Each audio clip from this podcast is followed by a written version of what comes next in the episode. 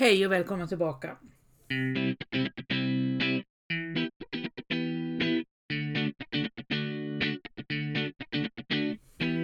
Före 1810 var det i princip omöjligt att få skilsmässa. Det fanns bara två skilsmässogrundande orsaker.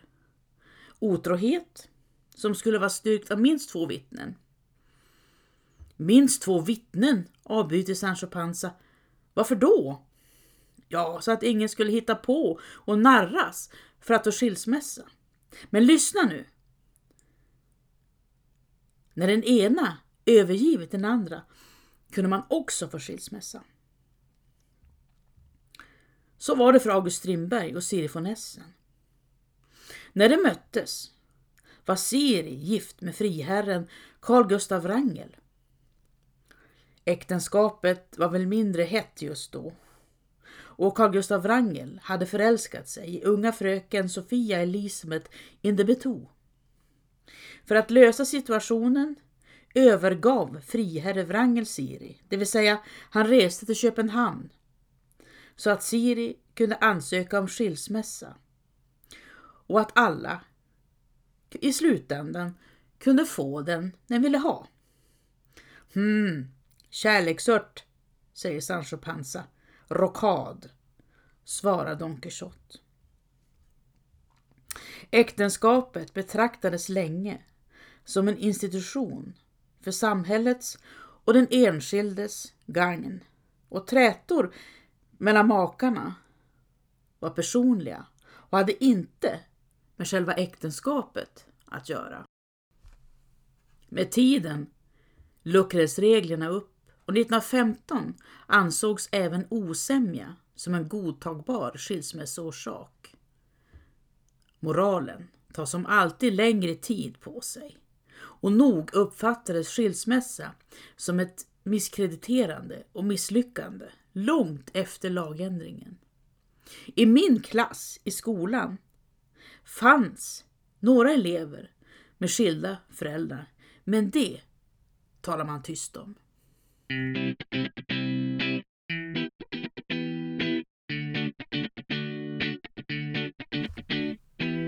Det var förresten mycket man måste tala tyst om. 1930 uppdagas att två kvinnor i Holmsund utanför Umeå utför illegala aborter mot betalning. Ingreppen görs i den ena kvinnans badrum med hjälp av en slang mot 200 kronor i betalning. Kvinnorna hinner slutföra omkring 40 aborter innan det avslöjas. Och deras kunder kommer från olika miljöer och har olika bakgrund. En del är unga ogifta flickor medan andra är änkor eller gifta hustrur som inte önskar fler barn. Abortörerna, alltså kvinnorna, döms till kortare fängelsestraff. Och när de återvänder hem igen till sina familjer fortsätter livet som vanligt för dem. Fast utan aborter. Ja, utan aborter.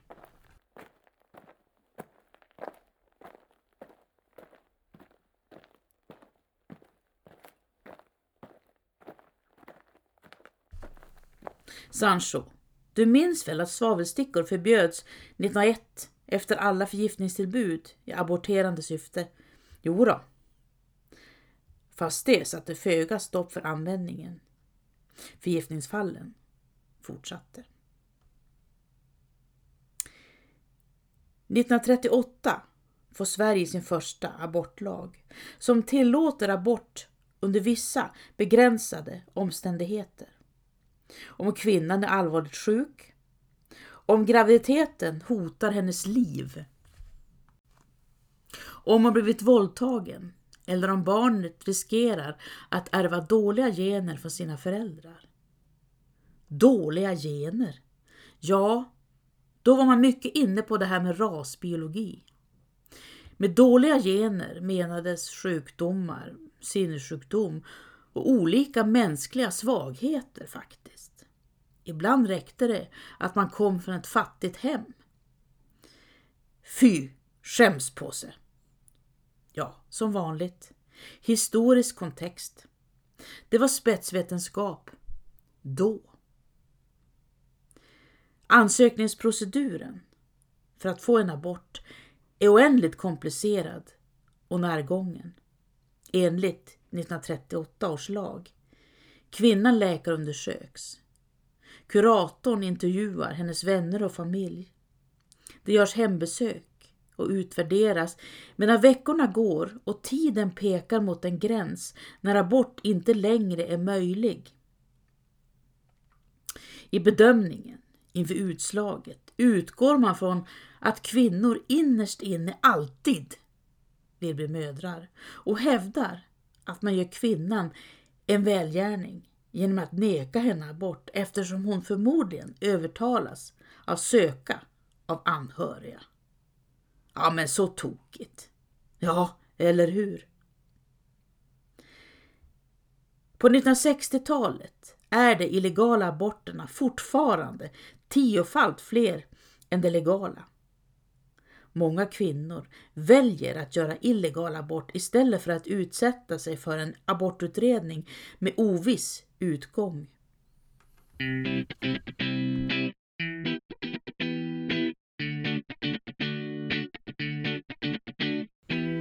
Välståndet ökar, som sagt, och optimismen är påtaglig. I nästan varje familj arbetar mannen medan hustrun stannar hemma och tar hand om barn och hushåll.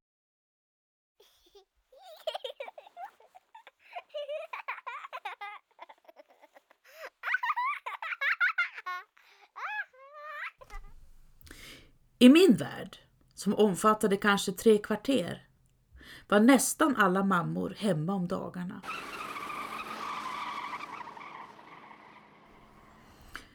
Om man stiger av bussen vid Konsum är det bara några steg in på vår gata. Villorna står i en prydlig rad med bruna dörrar och gröna brevlådor. Husen är inbakade i cementfodral och endast färgen skiljer dem åt. Först då ett blått hus, sedan ett gult, efter det ett grönt och sedan ett rött innan det börjar om med ett blått hus igen. Vägen hem från skolan är lång och mödosam. Runt halsen har jag ett band och i bandet hänger en nyckel som leder in i det första gula huset. Jag vet att när jag låser upp möts jag av tystnaden. Här har ingen varit sedan i morse och det dröjer ett tag innan de kommer hem igen. Både mamma och pappa arbetar på andra skolor än där jag går och i kylen står fatet med smörgåsarna, ost på kärnmjölkslimpa, lika kalla som mjölken i tetran bredvid.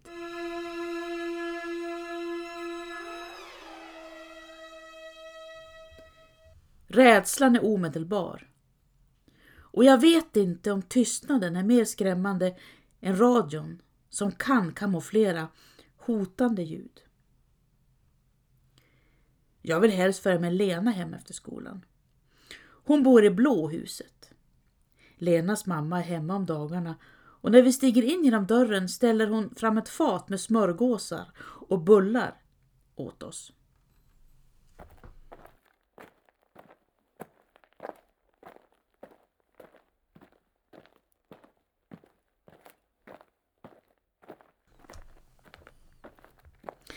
När en strimma ljus tänds i det gula huset är det dags att gå hem. Under middagen pratar mamma och pappa skola och ingen lägger märke till när jag reser mig. Mamma, kan inte du baka bullar som Lenas mamma? ber jag henne. Men det är ju inte nyttigt, svarar mamma.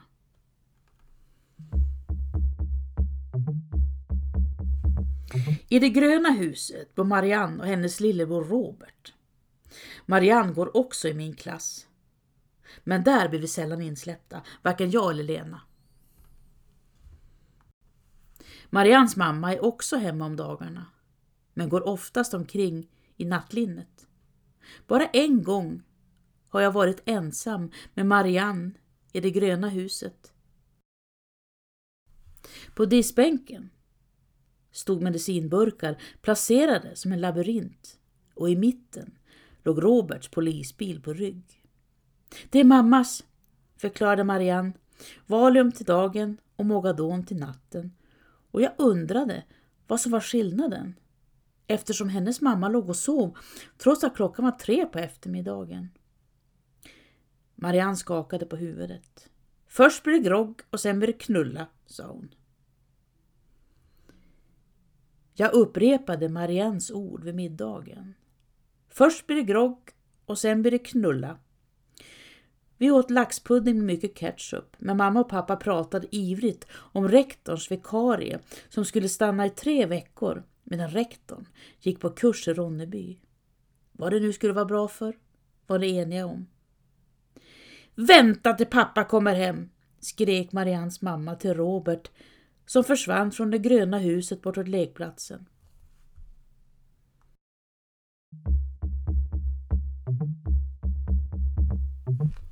I det röda huset bor fem syskon. Esmeralda, Celine, Theodor, Ambrosius och Hyacintia. Konstigt nog blir de inte retade för sina namn. Jag menar, när Janne vill bajsa och Britta blir vad det rimmar på. Deras föräldrar är läkare på sjukhuset.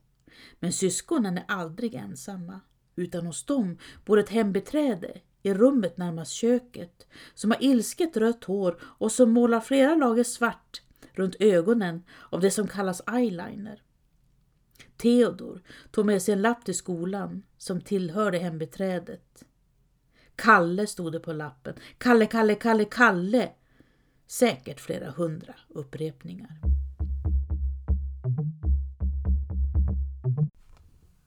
I nästa blå hus bor ett äldre par och i det gula huset bredvid finns Monica och Annette. Deras mamma är också hemma om dagarna.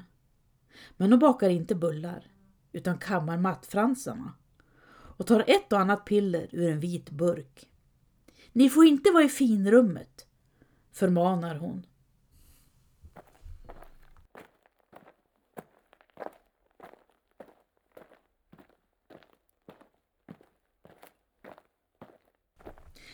Mamma och pappa pratar nästan alltid skola när jag lämnar matbordet och jag vänder mig om och tittar på dem. Så där ska jag aldrig ha det, tänker jag. Sedan reser sig pappa och sätter på tvn.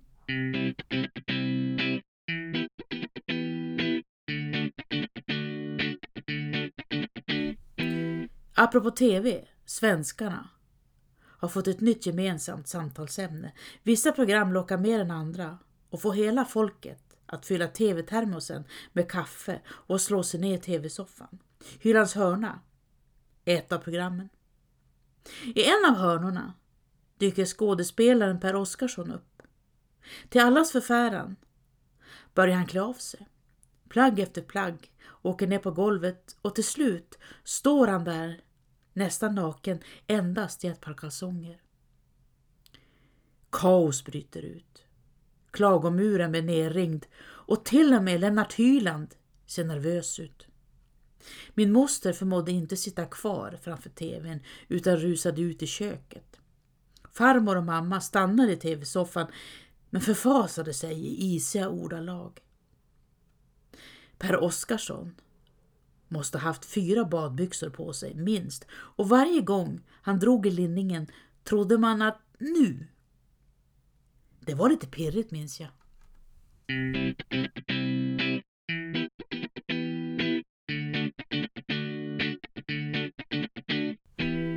Farmor lyfte upp ett nummer av Svensk Damtidning från bordet och slog sig ner i fåtöljen. Åh, vad jag längtat efter det här, att få läsa den här, utbrast hon. På omslaget fanns en storskrattande prinsessan Kristina och farmor rynkade på näsan. Och så ful hon är, sa hon högt.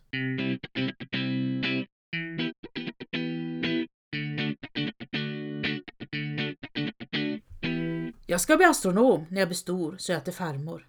Då fnös farmor. Nej, sa hon, du ska ha ett kvinnligare yrke.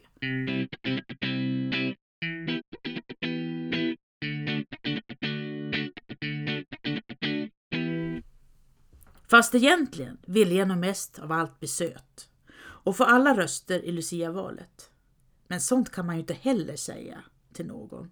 Redan i ettan hade vi Lucia-omröstning med handuppräckning. Vem skulle bli klassens Lucia?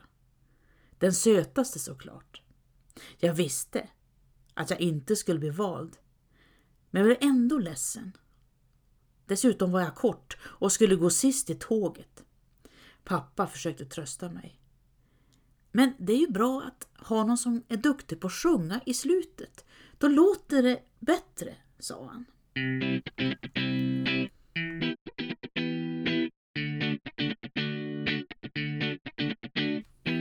Klasslistan var uppdelad i pojkar och flickor. Först kom pojkarna i bokstavsordning och efter det flickorna. Samma turordning gällde vid läkarbesök och vid alla andra tillfällen också. Flickor skulle i första hand vara söta. I första klass rankades tjejerna omedelbart av killarna från 1 till 5, 1 i topp och 5 i botten. En morgon innan fröken visade sig och vi väntade utanför den stängda klassrumsdörren sa nummer ett vi ställer upp som killarna tycker.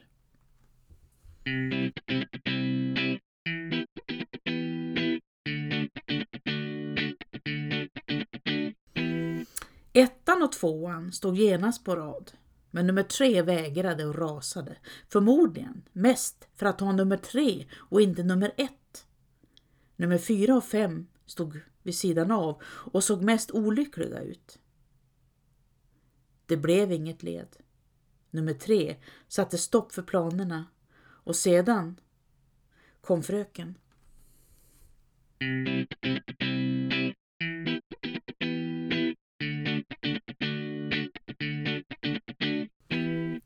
Kan man tänka sig det motsatta? Att killarna skulle ställa sig på led efter tjejernas ranking? Nej, det är skrattretande. Och förresten fanns inte ens en ranking. Don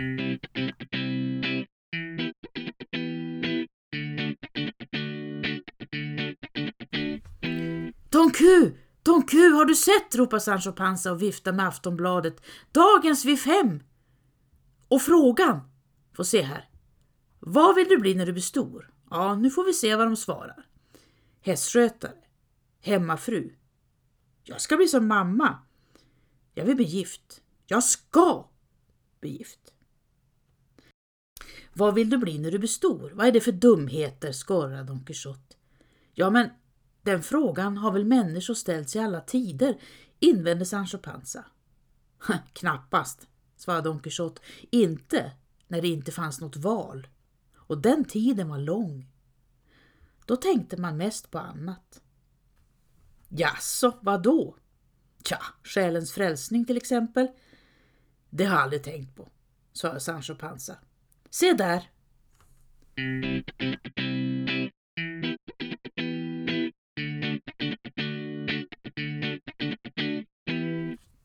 Själv tänkte jag gifta mig med den som ville ha mig. Om det fanns någon alls vill säga. Det bedömde jag som mycket tveksamt. Jag som var så ful att klockorna stannade. Så om någon skulle vara dum nog var det bäst att passa på.